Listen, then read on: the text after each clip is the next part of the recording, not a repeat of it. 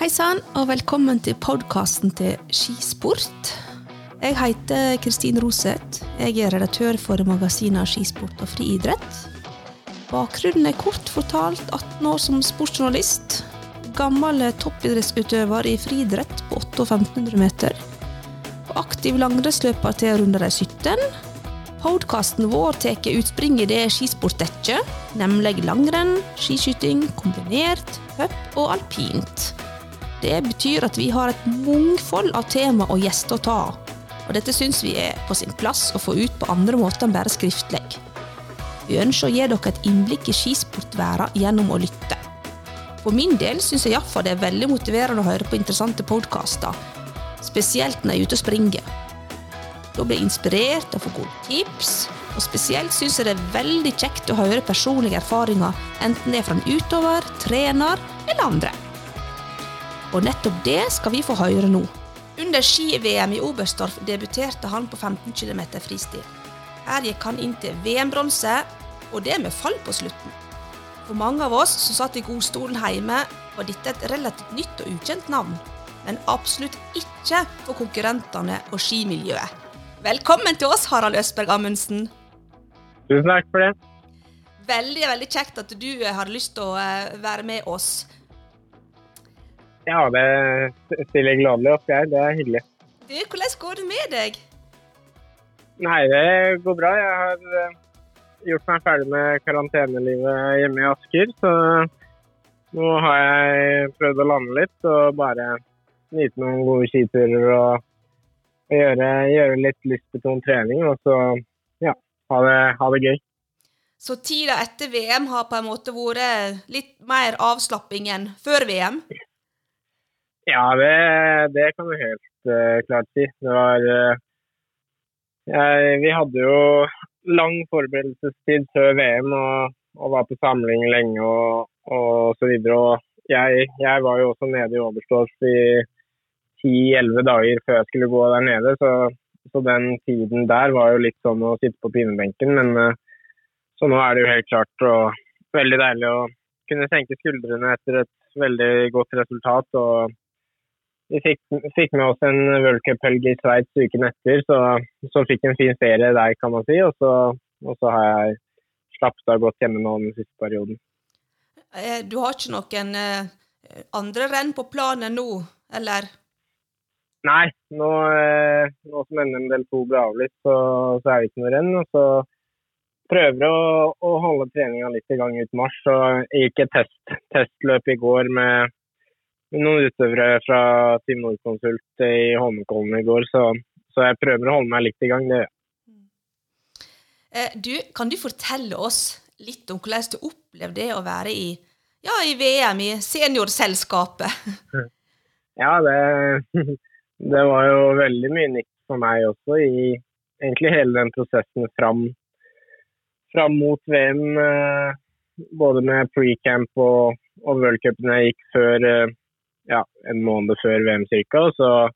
Og hele det oppholdet der var jo det var mye nytt og læring hele veien. Så det begynte vel med at, eh, at etter World Cup i Falun så, så, skjønte jeg at jeg kom til å få gå 15 km skøyting i VM. Og da, da, hadde jeg eh, over en måneds tid til å forberede meg så godt jeg kunne til akkurat den datoen, 3. mars. Og, og det er jo selvfølgelig utrolig stort å å få muligheten til å, til å, få gå et løp i VM. Og så er det samtidig knyttet veldig mye spenning og nerver til det. Så, så den perioden ble jo brukt til å, å, trene mye og prøve å forberede seg godt, så godt som mulig. Og så hadde vi pre-camp på Sjusjøen med, med, hele VM-troppen, som var veldig, veldig morsomt. Og så var det hyggelig og gøy å bli kjent med, med resten av gjengen, som jeg ikke er så godt kjent med fra før. Og så ja, gjorde vi egentlig gode forberedelser før vi dro ned dit. Eh, så, så den treningsperioden eh, gikk egentlig fint, for da har du eh, mye tid Altså du, du, fyller dagene med mye trening og osv., så, videre, så da går, går, tiden ganske fort. Men det var kanskje litt verre når jeg var der nede i Oberstdorf og, og skulle prøve å roe litt ned på treningen samtidig som jeg skulle slappe av på hotellrom. Og så er det når det er mye koronarestriksjoner osv., så, videre, så blir det jo Du blir jo litt lei kanskje av det hotellrommet etter ti dager. Eh, en luftetur om dagen og, og, litt trening, og så er det å ligge på hotellrommet. Så, så den perioden var kanskje litt, litt tøffere fram mot, mot løpet, men, eh, men det, det, viste seg, eller jeg tror jeg klarte å løse det greit. Så, så man må bare klare å Koden er å klare å senke skuldrene og, og bare ha troen på seg selv og vite hvorfor man er i et mesterskap. Ja, for det å være på plass i, i VM-leiren, og du er vant med å være i aktivitet veldig mye, da skal du lade opp, altså du, mm. og da skal du slappe av, og så får du ikke lov til å bevege deg så langt. Det er jo litt sånn mentalt, kanskje, at du kjenner at hm, ja ja. så hva ja, brukte det... du tida på? Hva brukte du tida på når du skulle slappe av? Nei, det blir, blir jo mye serie. Ja. sitte litt på PC-en og så lese en bok. Uh, prøvde, å, prøvde, å, begrense skjermtiden litt. Uh, og så er det jo ja, det blir jo å sitte lenge i matsalen og prate med de andre. For vi hadde liksom ikke noe sånn sosialt rom, sånn som det, det, tidligere har vært. for nå var det så mye regler at man måtte liksom det sosiale man kunne gjøre med resten av gjengen, var enten å trene eller sitte i matsalen. Så det ble jo ble noen timer i matsalen etter hvert. Eh, men eh, ja, så litt, litt, bøker og mye serier er vel eh, Ja, det var gjennomgående i de, de ti dagene der. Men så tenker jeg at det nærmer seg starten din. Og mm. den dagen, den morgenen når du våkna opp, når du tok bronsen din hva, hva, hva, tanker hadde du i hodet da, før du starta? Um, det, det, som litt, det, som var litt annerledes for meg denne gangen, var at jeg var veldig nervøs idet jeg kom ned til Oberstdorf. Så kanskje de første, ja, første, uka der nede så kjente jeg mye på at jeg var spent og nervøs. Men, men de siste dagene før, når det begynte å nærme seg og jeg endelig skulle få lov til å konkurrere, så, så følte jeg meg ganske rolig. og og da hadde jeg på en måte lagt mye av spenningen litt til side. Um, så, så, de siste dagene rett før gikk egentlig greit. Da hadde jeg så mye å tenke på og fokusere på både med trening og forberedelser til rennet. Så, så de dagene rett før gikk overraskende greit. Og så når du våkner på rennet og når du Ja, altså du er jo, du er jo helt klart veldig nervøs. Uh, men jeg hadde egentlig Jeg hadde forberedt meg veldig godt uh, mentalt på hvordan jeg skulle takle det. Eh, også med, med, en mentaltrener. Eh, så jeg hadde liksom Jeg følte jeg hadde klart å, å sette følelsene mine under kontroll. Og, og det, er jo alltid, det er jo godt tegn å være nervøs, så, så, det er jo noe man må kjenne på. Eh, så, så, helt klart, på morgenen før så var jeg veldig spent. Men uh, samtidig så var jeg liksom Jeg hadde vært der nede så lenge at nå var jeg bare virkelig klar for å gi jernet i løypa. Akkurat det du snakker om mental trener, skal vi ta litt etterpå. Um, mm. Det som jeg er litt eh, nysgjerrig på, uh, det er dette her fallet du hadde på slutten her. Huff a meg! Ja. Du satte en støkk i alle oss som så på deg. Ja, det, det ble jo dramatisk. Jeg har sett det på TV-sendingen senere, så Nei, det var, det var kjipt, at, kjipt at jeg skulle falle eh, i et så viktig løp. Eh, men eh, jeg skjønte jo etter hvert at, eh, at, det fallet ikke betydde så mye eh, i den store sammenhengen og på resultatlista. Eh, så jeg var bare veldig letta for at jeg ikke f.eks. gikk fra tredje til fjerdeplass pga. det fallet. Så det var egentlig bare en enorm lettelse det, når jeg skjønte at det, det var greit, det gikk fint. Så, så, det er ikke noe jeg har tenkt så veldig mye sånn negative tanker om i ettertid. Det, det har vel bare gitt Det ga mye, mye underholdning der og da, og, og, det var nok mange som ja eh, syntes det var kanskje ja, leit at jeg falt, eller at det ble litt ekstra dramatikk rundt det. Det var jo det var gøy. Og så, og så har ikke jeg brukt noe tid på å dvele om, om jeg kunne vært høyere opp eller ikke, men eh, men uh, ja, det, det, ble en innholdsrik dag, ja. ja, jeg husker iallfall godt når jeg så på at uh, når du datt, da, da hylte jeg i sofaen. Nei, sa jeg da. Nei, nei, sa jeg. Jeg var sikkert ikke ja, det... alene om å si det. Nei, jeg, jeg, tror det var flere, flere som tenkte det. Jeg jo, hadde jo en stor familie som satt og så på, så jeg tror nok reaksjonen der også var noe av det du beskriver. Ja. Men du eh, Harald, du er 22 unge år. Men du har allerede mange meritter på lista di. Du har tre junior-VM-gull og ei bronse fra 2017-2018. Du har to U23-VM-gull fra i fjor vinter. Og nå til sist VM-bronse i lag med de store gutta. Hva er det som har gjort deg så god når det gjelder? Ja, si det. Det er, det er litt vanskelig å svare helt konkret på det. Det, det blir jo en slags Når man først har prestert i et mesterskap, enten det er junior- eller 23-VM eh, eller senior-VM, så, så, eh, bygger du kanskje på deg en selvtillit om at eh, du tidligere har fått det til når det virkelig heller, og når du er som ja, mest nervøs.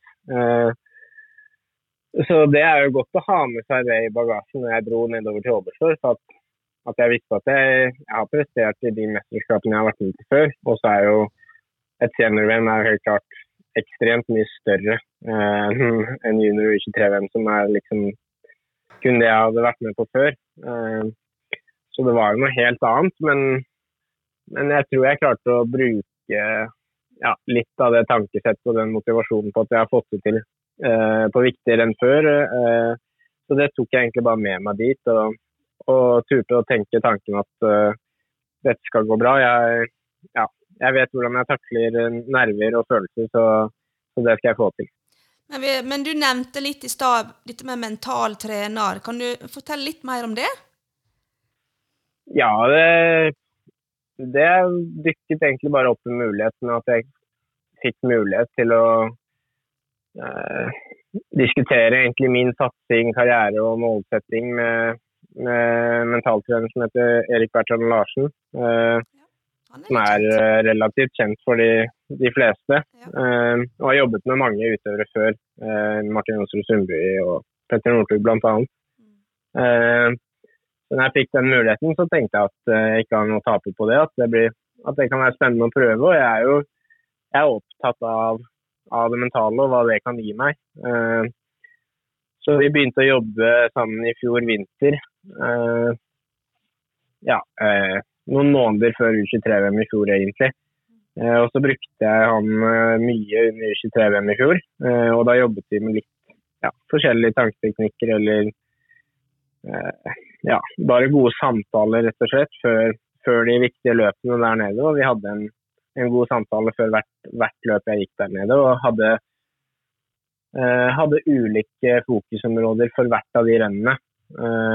F.eks. før sprinten så var fokuset mitt å, å, klare å være rolig og styre pusten. Eh, for det er, det er lett å bli stressa i en sånn, en sånn, type konkurranse. Og så på en 15 klassisk individuellstart så, så går det jo mer på det at man skal virkelig klare å, å tyne strikken. Eh, man skal på en måte nyte å gå ned i kjelleren eh, underveis i et sånt renn. Så vi hadde liksom ulike oppgaver vi fokuserte på for hvert renn der nede, og det fikk jeg en veldig god erfaring med. Eh, så Det gjorde at vi, vi jobbet videre med, sammen i den treningssesongen som har vært nå. og så har vi ikke møttes så mye pga. korona osv., men det har blitt mye telefon. Og så, og så, jobbet vi godt sammen nå inn mot det løpet jeg gjorde i VM, og, og hadde nok en gang en veldig god erfaring med det. Så, så det har vært et veldig spennende prosjekt. det. Ja, for det mentale er jo det, altså det er jo over 50 det skulle jeg si. Altså du, eller det er jo nesten eh, Ja, det er kanskje 90% når du står på startstreken. Ja, altså Du har trena. Du, du, du, er ferdig å trene. Du har gjort arbeidet ditt. Ja, ja. Du kan være så god du bare vil, men hvis det ikke sitter i hodet, så, ja. så blir det vanskelig å, å, gjøre det helt store i, i viktige renn. Så, så det mentale spiller jo selvfølgelig en utrolig stor rolle, og jeg tror jeg tror det handler om å bli litt mer bevisst og klare å, og klare å ja, enten om det er å være litt mer bevisst på hva man gjør i hverdagen gjennom en, tre, en treningssesong, eh, hvilke valg man tar, eller, eller, bare være bevisst på hvilke følelser du kanskje skal kjenne på underveis i dette rennet, eller eh, hvordan du ønsker eller håper at du skal klare å takle, takle ulike situasjoner i, i et renn f.eks., kan være viktig å se for seg på forhånd. Eh, da blir du ekstra godt forberedt, og, og, det gjør kanskje at du er litt roligere enn du ville vært hvis du ikke har tenkt på noe av, noe av de tingene før, før du starter i et viktig renn.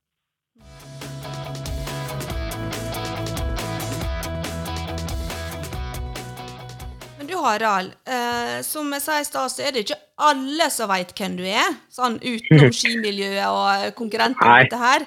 Eh, jeg er litt nysgjerrig, jeg. Kan du fortelle om deg sjøl?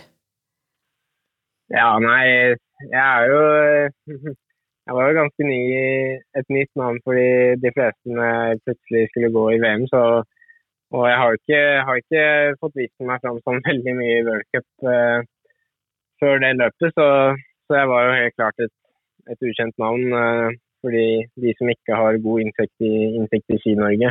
Eh, um, så, så, jeg er jo bare ja, bor hjemme fortsatt i Asker. Um, satser ski på ja, full tid. Jeg hadde litt økonomistudier det siste året, men uh, når jeg øynet en mulighet om at jeg kunne nå, nå det løpet i VM, så, så satte jeg alt det på vent og, og gikk all in på det. Uh, så jeg hadde, ja, hadde, litt interesse for de økonomistudiene, men, eh, men det er satt litt på vent. Jeg har eh, gått på skole i Asker, eh, satset i Asker skiklubb og Team Nordkonsult, før jeg hadde et år på rekruttlandslaget nå. Ehm, og så har jeg trent mye med min tvillingsøster Hedda, som også satser langrenn. Um, jeg har fått ned med det. ja, så, så, det, hjelper jo, det hjelper jo mange ganger, det å komme seg ut på økt og ha en å, å trene med av og til. Uh, så, så, det er jo litt kort om min skikarriere. Og så har jeg hatt muligheten til å, å være med på juniorlandslaget i 2018. Uh, jeg var med i junior-VM både i 2017 og 2018. Uh, og så U23-VM i 2019 og 2020. så jeg har hele tiden vært med på, på litt store begivenheter underveis i, i min ja, eldre juniorsatsing og seniorsatsing. Men før ja, når jeg var førsteårs junior osv., så, videre, så var det jo stort sett Da var jeg ikke så god. Da, da håpet jeg på, um, på topp 30-plasseringer. Eh, kanskje håpet på topp 15 sammenlagt i Norgescup osv. Så, så så jeg føler jeg har bygget stein på stein helt siden jeg tok det valget om at uh, at nå skal jeg satse på langrenn. Eh, for det, det, valget tok jeg ikke før, eh, før, jeg begynte på videregående. For jeg hadde kombinert fotball og ski helt i dag. Eh, og det var vel kanskje fotball jeg egentlig syntes var, var morsomst, helt fram til jeg ja, skjønte at jeg har større talenter innenfor individuell idrett. Men jeg er litt nysgjerrig også på oppveksten. Altså, hvordan, hvordan var det å vokse opp i Asker, og hva har familien betydd for deg? Nei, jeg, jeg, tror jeg har hatt en ganske normal oppvekst. Det har vært eh, eh, alltid vært mye idrett og lek. da. Eh, og så har vi vært, vært mye på tur eh, med familien eh, ja, stort sett alle somre. Mye fjellturer og, og, og så videre. Så det har blitt godt herda både med tur og idrett eh, fra jeg var liten. Eh, jeg har alltid hatt interesse for å drive med aktiviteter og, og bli litt sliten, det har jeg alltid syntes var gøy. Vært gøy, så eh, Ja, så jeg har egentlig bare levd hele livet her i Asker. Uh, ja. Uh, jeg har, hadde barneskolen fem minutter unna huset, ungdomsskolen fem minutter unna huset og videregående fem minutter fra huset. Så ja. det har vært veldig sånn lokalt og, og trygt og, og, godt her hjemme. så jeg har hatt veldig mye muligheter for å for å drive med ting jeg har hatt lyst til opp gjennom barndommen. Eh, har hun, eh, du har jo hun Hedda som tvillingsøster. Har du flere søsken? Ja, jeg har en, en storesøster som er to år eldre enn meg. Ja. Hva heter mor og far, da? Eh, Tone Østberg og Jon Harald Amundsen er mine foreldre. Så, Var ikke de intervjua under VM på TV? Um, han, i hvert fall, Hedda var i hvert fall med på eh, TV 2 sin eh, nettsending ja. når jeg gikk rennet. Um, men jeg, jeg, tror ikke mor og far Jeg tror nok de, de var på hytta og, og satt i, okay. i, ro og fred og så på. Ja, I ro og fred, tror du? ja, i hvert fall eh, I hvert fall til en viss grad. Men uh, jeg tror nok de var rimelig De var nok mer nervøse enn det jeg var. Det, det tror jeg. De er engasjerte? Ja, de, de vil jo det beste. Uh, men eh, det har aldri vært noe sånn stort press på, på hvor bra jeg må få det til eh, osv. Eh, så det valget med trening og satsing, det er jo noe jeg har gjort selv. Men, men de, de, legger jo bra til rette for at, at, jeg skal kunne få lov til å gjøre det. Og, og vil jo mitt beste når jeg går skirenn, så, så de blir jo helt klart veldig, veldig spente, de. Eh, kan du fortelle litt om eh, ja, skimiljøet, støtteapparatet ditt? Hvordan opplever du det? Ja, altså For meg så har jo alltid det å ha et miljø rundt meg har vært veldig viktig for at jeg skal klare å gjennomføre den treningen som kreves for å ta steg som skiløper.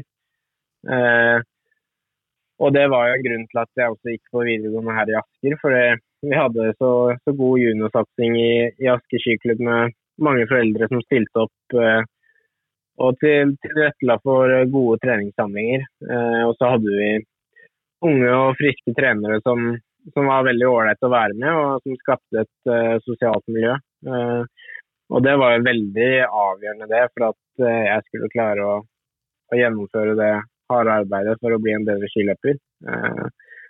så det miljøet har jeg alltid tenkt at har vært ekstremt viktig for meg, og, og det tok jeg jo Det har jeg alltid hatt egentlig hele karrieren min, enten det var i junior, juniorårene eller på Team Nordkonsult, som er Askers seniorsatsing. Og så nå på rekruttlandslaget har vi også hatt et utrolig bra, godt miljø å være i. Eh, og det gjør at man trives med det man driver med, og, og lærer mye på veien. Så, så, det har vært veldig viktig. Har du opplevd nå etter VM at um, dette her med ja, mulighet for flere sponsorer, altså mer støtte, mer oppmerksomhet? Ja, det, det blir jo helt klart mer oppmerksomhet. Det, det gjør det. Og det er jo det er jo også noe man på en måte håper på, for man lever jo av det. Og, og, og, da er man avhengig av at man har sponsorer og utstyrsavtaler som gjør at du kan holde på. Og du ønsker jo å ta steg inn på, på nye lag eh, hvor det økonomiske perspektivet kanskje er bedre. Eh, så det å få en stor synlighet som, som skiløper, eh, hvis du har bedre og bedre resultater, det er jo veldig viktig.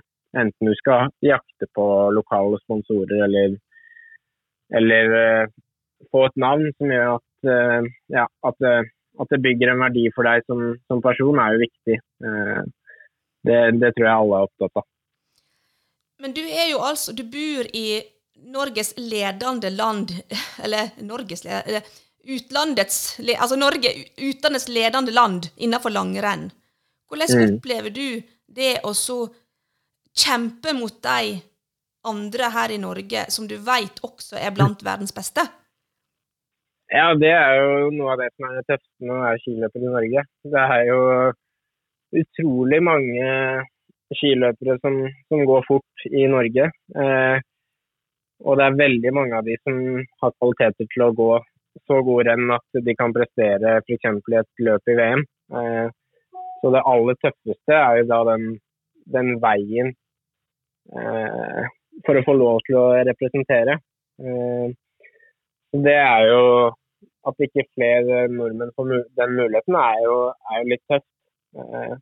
Jeg har jo lagkamerater på rekruttlandslaget f.eks. Som, som har det nivået inni seg. Og så, og så, er det noen ganger klaffer det bedre for eh, For nå, nå, har det jo klaffet bedre for meg i vinter enn, enn for noen av de. Eh, men så Jeg vet jo at de er så gode skiløpere at neste år så kan det hende at det er de som er i OL eh, og kjemper om medalje. Så det handler jo om å, å klare å prestere jevnt over tid.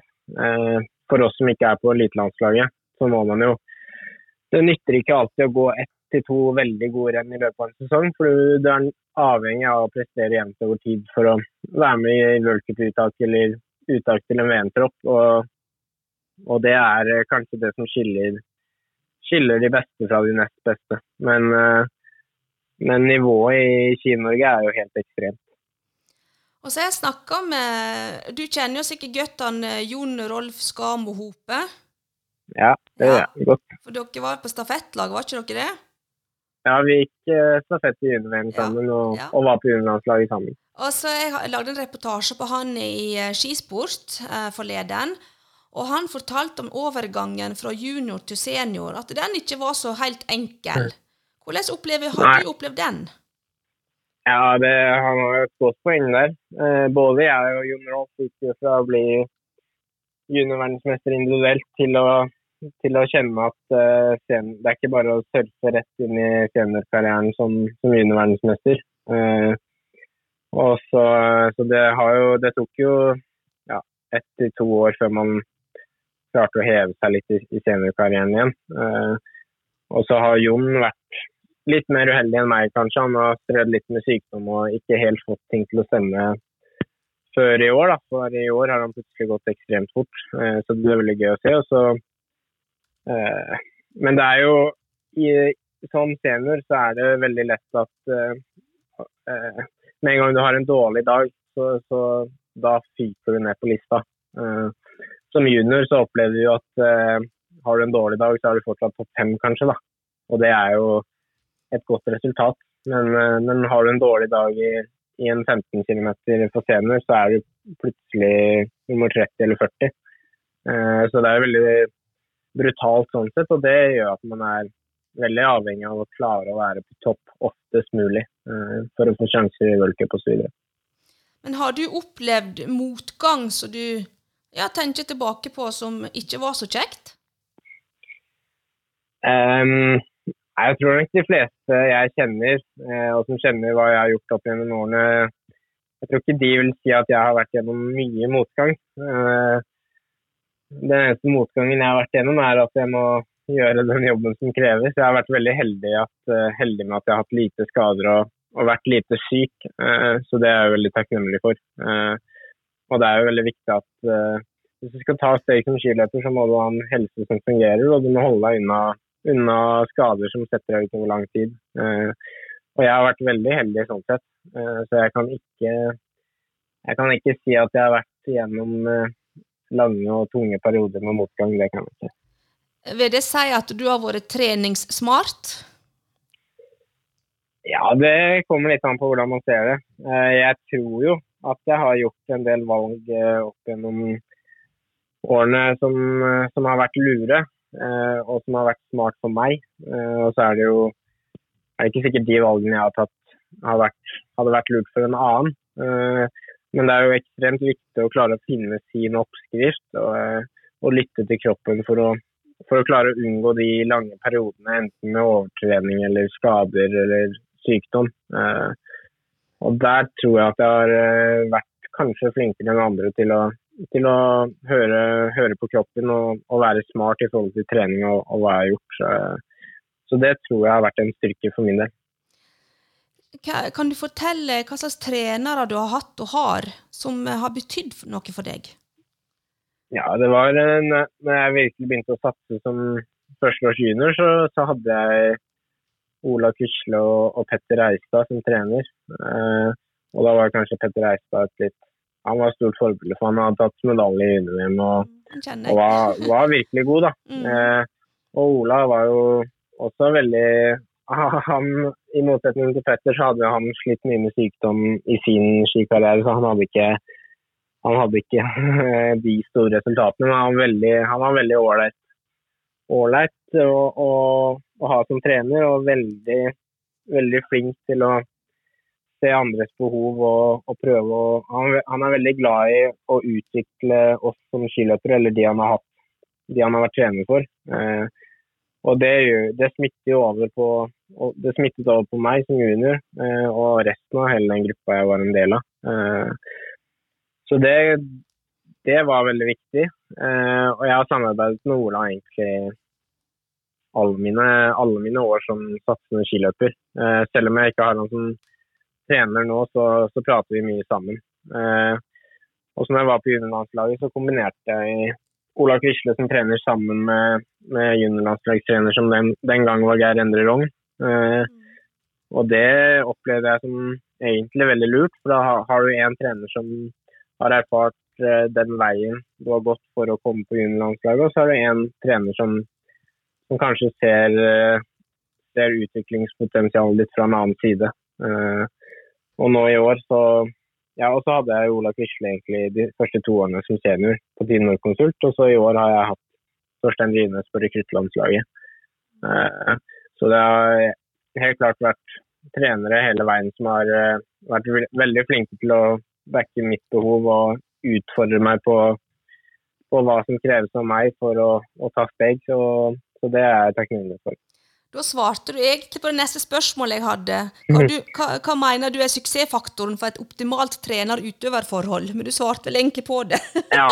Nei, det Jeg sa jo mye, mye, av det. Men, men, det jeg opplevde kanskje aller mest på Team Nordkonsult de første to årene som, som senior, hvor man kanskje ikke Du holder ikke akkurat inn på pallplasseringer. Eh, men det som var viktig da, og som var så utrolig gøy, var å ha det gøy på tur. Eh, det, at du har et ønske om å reise rundt med, med laget man er på, og en trener som syns det er skikkelig kult og inspirerende. og og som gir mye til laget for at uh, vi skal både ha det gøy og trene bra uh, og ha en god reise. Sånn sett. Så det, er, det, tror jeg er viktig uansett hvilket nivå du er på. Uh, enten du er på elitelandslaget, så må du trives. Og enten du er førsteårs junior, så må du trives. Så det, Da er det viktig at du har trenere du kommer godt overens med. Føler du deg egoistisk som individuell utøver? Uh, ja, du kan spørre kjæresten min. Hun syns nok, uh, synes nok jeg er uh, egoistisk til tider. Men det er jo man, Det er ikke Ja, det er ikke akkurat ulovlig å følge, følge drømmene sine. Så, så min drøm har jo vært de siste årene å bli profesjonell skiløper og kunne leve av det. Uh, og andre, andre, drømmer kanskje om å få en viss jobb eller en viss utdannelse, så, så det vil jeg ikke si er egoistisk i det hele tatt. Eh, men man tar jo kanskje valg på den veien som føles egoistisk for andre. Eh, men det tror jeg du gjør uansett hvilken situasjon du er i i livet. Eh, jeg vil ikke si at, vil ikke si at det, er, det, har vært at jeg sitter med en veldig egoistisk følelse. Det, det føler jeg ikke. Føler du at eh, kjæresten støtter deg? Ja, ja. Hun uh, backer 100 hun. Men uh, det, det, gjøres jo noen ganger valg som, som, kanskje hun ikke er helt fornøyd med. Uh, og det er jo forståelig, det. Men, men, hvis man har lyst til å åpne noe som skiløper eller toppidrettsutøver eller hva det skal være, så, så, må du jo alltid gjøre valg som er kjipt for noen. det kommer man ikke unna. Hvordan ville hun beskrevet deg som person? Ja, det er et godt spørsmål. Eh, nei, jeg tror nok hun ville sagt at jeg er, at jeg er målbevisst. At jeg, hvis jeg bestemmer meg for, for noe, så, så, gjennomfører jeg. Eh, og at jeg, jeg håper hun syns jeg er en snill og god kar å være med. Så, så ja, det vil jeg tro.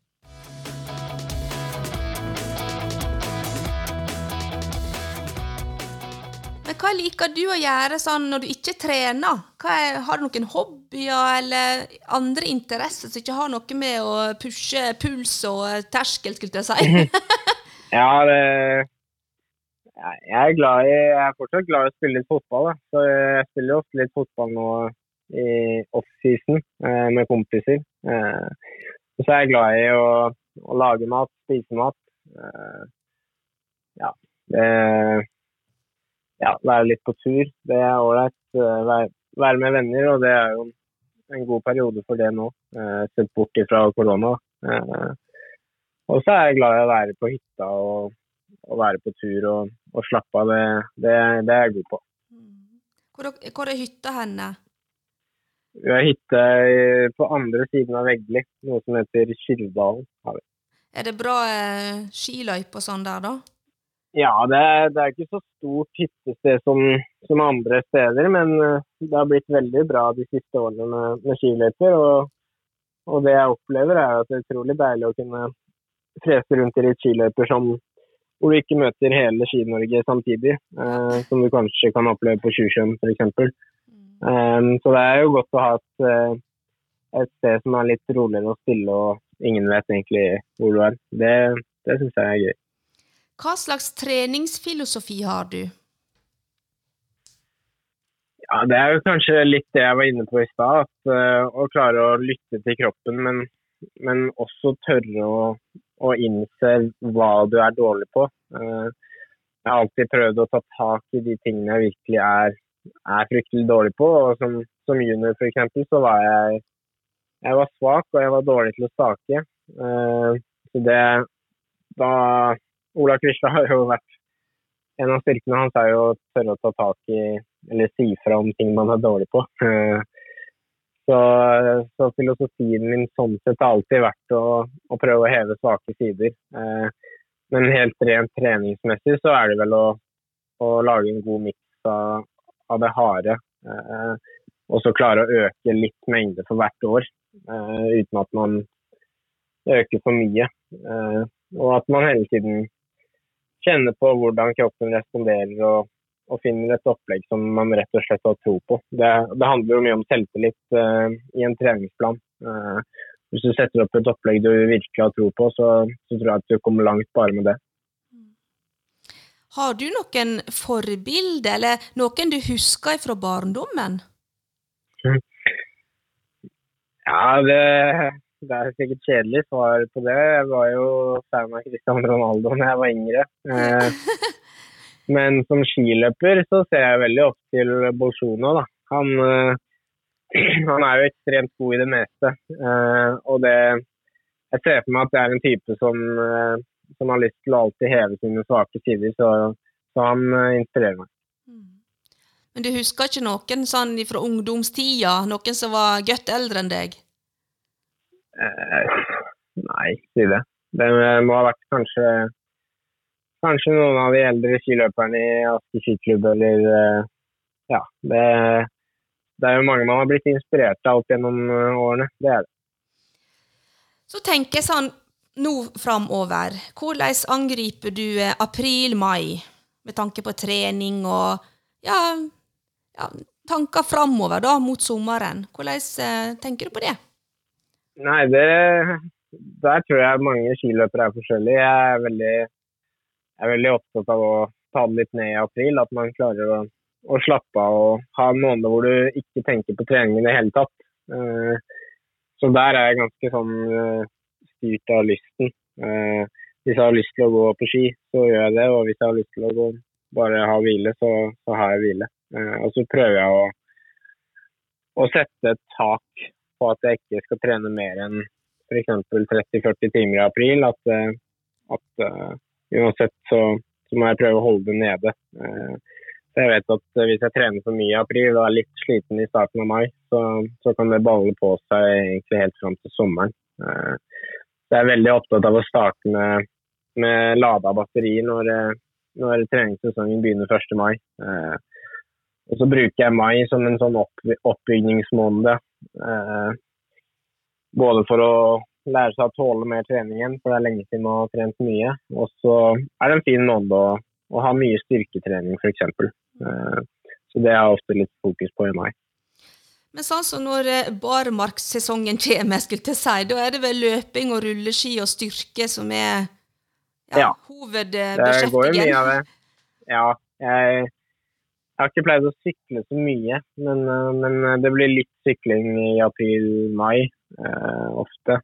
Eh, bare for, bare for, turen sin del. Eh, jeg prøver jo å, å gjøre litt aktiviteter som, som, man kanskje ikke skal Det er jo fint. Eh, april og mai er en fin måned for å ha en andreøkt som padeltennis eller, mm. eller, klatring eller hva som helst.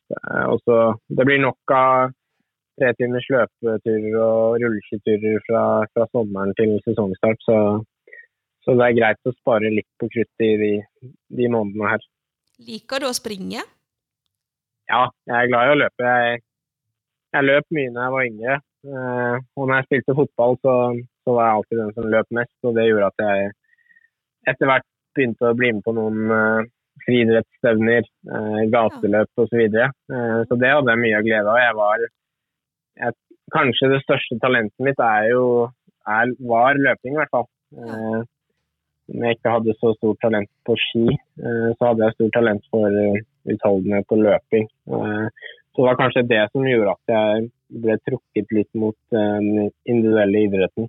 Eh, så, så, løping, det, det, er jeg fortsatt glad i. Men eh, når mai, juni, juli kommer, eh, er det på en måte en lik fordeling mellom rulleski og løping? Eller er det mer rulleski? Altså, hvordan eh, fordeler du det? det? Ja, det blir jo ofte en Jeg vil tro at uh, ca. 30 30, ja, i hvert fall 30% per måned av treningen er løping. Uh, og så blir det jo mye rulleski, helt klart. For der har du der kan det variere mellom to stilarter, eh, og det gjør at det er lettere å ha mye mengde der. Eh, du, det, er, det, er, ikke sikkert du takler å løpe tre timer hver dag, eh, også skademessig. Så, så, det blir jo mer rulleski, men, men som når jeg var yngre, så, så var det mye løping. Så jeg var ikke så glad i å gå på rulleski i starten av juniorkarrieren. Så det er noe man liksom man blir jo tryggere og tryggere og, og nyter mer og mer rulleski etter hvert. Så, så rulleski blir det mer og mer av som stemmer. Hvordan ser du på framtida som skiløper?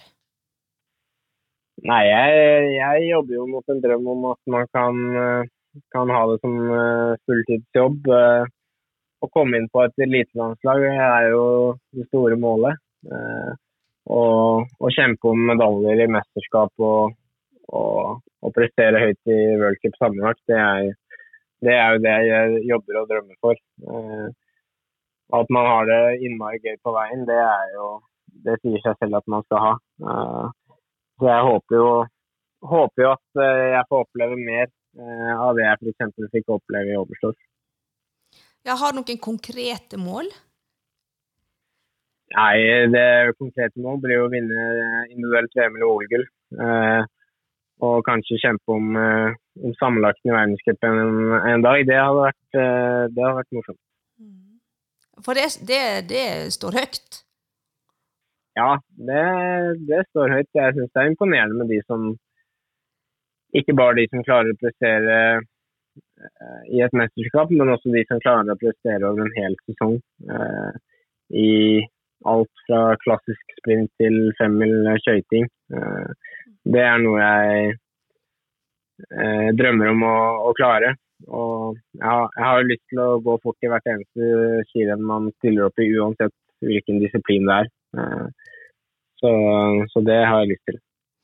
Og så har jeg et spørsmål. Eh, utstyr, eh, smørning, eh, gadgets. Altså det er jo litt sånne ting som eh, betyr en del. Altså, ja, eh, det, hvordan ser du opp i det? Altså, hva tenker du om utstyr generelt? Altså, er du veldig opptatt av det? Um, jeg prøver å ikke la det ta for mye energi. Det, det gjør jeg. Jeg er veldig opptatt av at uh, særlig hvis man er på renn, så har man smørere som, som gjør uh, så god innsats de bare klarer med at du skal få gode ski. Uh, og går det ikke helt veien på utstyrsfronten på et skirenn, så, så får det være greit. Eh, det kommer mange muligheter hvor du har konkurransedyktig ski. Eh, så det er jo, Man vet jo at det er veldig avgjørende hvilket, altså hvor godt det utstyret du har i, i renn er. Eh, og da tenker man jo hovedsakelig på ski. Så det, er jo, det har blitt veldig viktig i skisporten i dag at du har ski som fungerer. For det nytter ikke hvis du taper 20 sekunder på en 15 km på, gull på ski. Så det er noe man er opptatt av, og alle er opptatt av det. Men, men jeg prøver ikke å bruke for mye energi på det. Og så er jeg, jeg er veldig privilegert som har utstyrsavtaler og en gjeng i Matshus f.eks. Som, som jobber knallhardt for at jeg skal få gode ski. Og, og eh, jeg ser at de, de, legger ned en enorm innsats, og da, da er ikke jeg så veldig bekymra for utstyr. Så jeg prøver å bruke lite energi på det. Men har du noen gadgets som du eh, må på en måte ha på treningsturen? Jeg tenker sånn pulsklokke, eh, ja, apper det... ja, jeg har jo, har jo, på meg pulsklokke og pulspølse. Eh, men jeg er ikke sånn jeg har ikke på meg pulsbeltet for å gå og følge med på pulsen hele tiden. Det er vel mer det at man, man skal følge med litt på intervaller. Og, og i de, de periodene man kanskje er tung og sliten eller ting ikke fungerer helt, så er det i hvert fall greit å se, se hvordan pulsen er og, og, prøve å gjøre en liten analyse på om man f.eks. skal legge inn en hvileperiode. Eh, så jeg er ikke sånn veldig opptatt Jeg har ikke laktatmåling og, og den type ting. Jeg, har ikke det? Nei, det, det, har ikke jeg vært så opptatt av. Eh, jeg har jo gjort laktattester på, på Olympiatoppen, men, men, noe mer laktatmåling enn det, det gjør jeg ikke. Eh, så, så, det går ofte på den følelsen man har i kroppen. Så det er jo viktig å lære seg å kjenne, og det, det føler jeg at jeg har lært meg opp gjennom de siste årene. Ja, du lærer jo din egen kropp, kropp å kjenne når når ja, du trener så det, mye. når man trener mye, så, så, kjenner man på mye rart med kroppen. Så det gjør at du får veldig god erfaring med, med din egen kropp. Da. Men har dere noen slike faste tester på høsten eller i løpet av sommeren med tanke på oksygenopptak, eh, ja, laktat? Har dere noen slike ja, faste? Det har, eh, det har variert litt hva jeg har gjort, men nå som jeg har vært i rekruttlandslaget, så har, vi, har, det vært fototester og laktatmålinger. Eh, men så har jeg litt faste standardøkter her i Asker også. Eh, enten det er løping eller eh, rulleskitester. Eh, vi har hatt, hatt, en del testløp eh, her i Asker som, som, alle har en tide på, og som vi ofte går eh, ja, to til fire ganger i løpet av året for å se for å se, følge med på ja, hvordan man ligger an. Så, så er, jeg er jo opptatt av å ha noen standardøkter og, og, noen faste økter som du kan sammenligne deg på. Det, det tror jeg er lurt.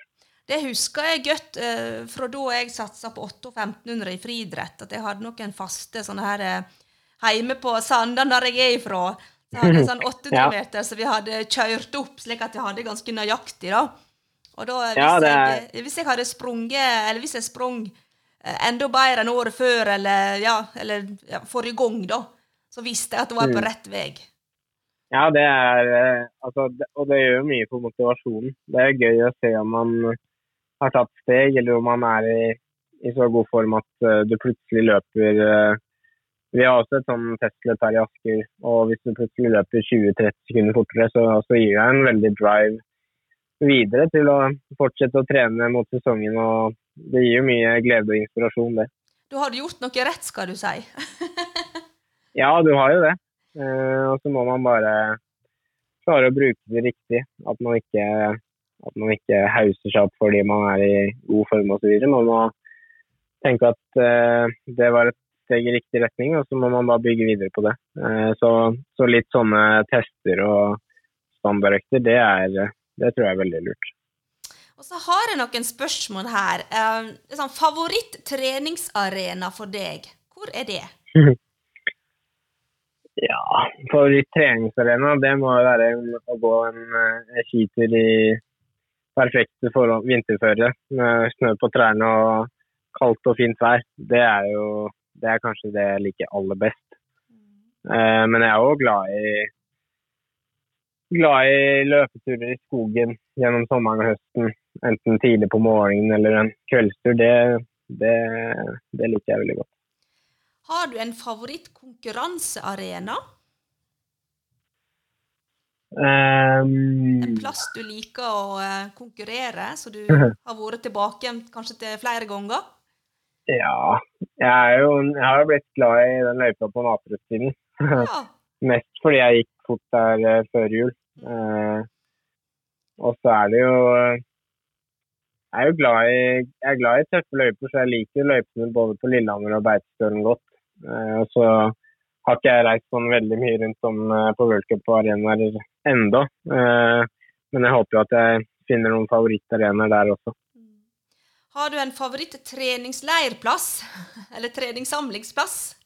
Ja, Sjusjøen og Lillehammer er jo ekstremt bra eh, på, på, egentlig hele året. Eh, sommer- og høstsamlinger på Sjusjøen og Lillehammer, det er, det er, helt konge. Det er utrolig bra for rulleski og løping og to rulleskiløyper å velge mellom, så, så der har man uh, godt tilrettelagt for en god treningssamling.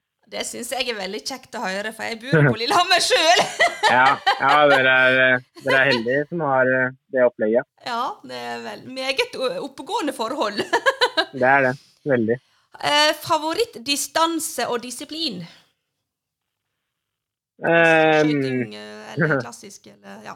Ja, jeg er jo Jeg har jo blitt glad i skøyting eh, fordi jeg har gjort det beste i skøyting. Så en 15, 15 km skøyting eller en tremil skøyting er jo kanskje favoritten fordi man føler seg veldig trygg på det. Men, eh, men det jeg kanskje skulle ønske mest at jeg var god på, var kanskje en 15 klassisk individuellstart. Det syns jeg er liksom Det syns jeg er eh, en av, i hvert fall én av fasitene på det å være en god skiløper. Hvorfor det? Eh, nei, for jeg syns det er eh, Kanskje fordi jeg sliter litt mer med å knekke klassisk-koden. Eh, men jeg får en veldig god følelse i kroppen de gangene jeg har gått god klassisk renn. Eh, og jeg liker den Altså, den, man kjenner på litt muskulære Det er litt muskulære forskjeller mellom skøyterenn og klassisk renn. Og så syns jeg den følelsen etter et å ta seg helt ut i klassisk, den er, den er vond, men god. Uh, så jeg, jeg, har jo lyst Jeg liker jo best å gå klassisk på rolige økter, enten på rulleski eller ski. Uh, så jeg håper jo at, uh, at kanskje 15 klassisk blir en favorittdistanse etter hvert. Ja. favorittmat? Um, ja, jeg er veldig glad i pasta. Må svare en, en god pasta carbonara. Det, det er lite som slår det. Ja, så bra. eh, favorittdrikke? Eh, nei, da eh, Kaffe. Kaffe på morgenen. Kaffe, det, ja. Ja. det har jeg hver dag, så, så, det må jo være det. Og så siste. Favorittmusikk? Der er jeg veldig bred. Uh, men jeg er glad i litt, uh, litt rock'n'roll, så favorittband da må jeg svare Arne Maiden. Okay. Men hører du på musikk når du trener? Ja, det, det, varierer litt. Det går litt i perioder. Men hvis jeg er ute og løper langtur alene, så, så, er det ofte at jeg hører på litt musikk eller podkast, eller når jeg trener styrke. Men uh, ute på rulleski så, så, har jeg ikke musikk på. Nei, men Det kan jo være litt sikkerhet òg? Ja, det, det, er lurt å følge med litt i, i trafikken. Særlig her i Asker og Bærum-området er det mye mange som ferdes uh, ute på fortau og mange biler, så det er greit å ikke ha stengt igjen ørene. Nei, for jeg eh, bor jo eh, rett ved siden av Messenlivvegen, som går på en måte fra Sjusjøen og ned til Lillehammer, ikke sant? Eller på slutten, da. Mm. Og der er det ganske bratt. Og der kommer ja, rulleskiløpere, eller ja, de som går på rulleski, de bare husht, ned gjennom. Ja, ja. Tenker, Nei, vi, hadde en, vi hadde en samling på Lillehammer i, i, høst hvor eh, vi kjørte ned der. Uh, jeg husker det var Mattis og Ansgar var vel ute for en, en, en litt seig episode der hvor det kom en lastebil inn fra sida. Eh, det gikk heldigvis bra, men, eh, men, det går fort nedover der. Det gjør. Eh, ja, det har jeg lagt merke til, for å si det slik. ja, ja, da kan du ikke ha musikk på ørene, iallfall. Nei, det, det, er nok uh, de som gjør det òg. Men uh, jeg, jeg, jeg, tror at det er greit å, å i hvert fall unngå unødvendige krasjer på rulleski. Uh, og eventuelt ødelegge sesongen, det er greit å ta litt forhåndsregler der.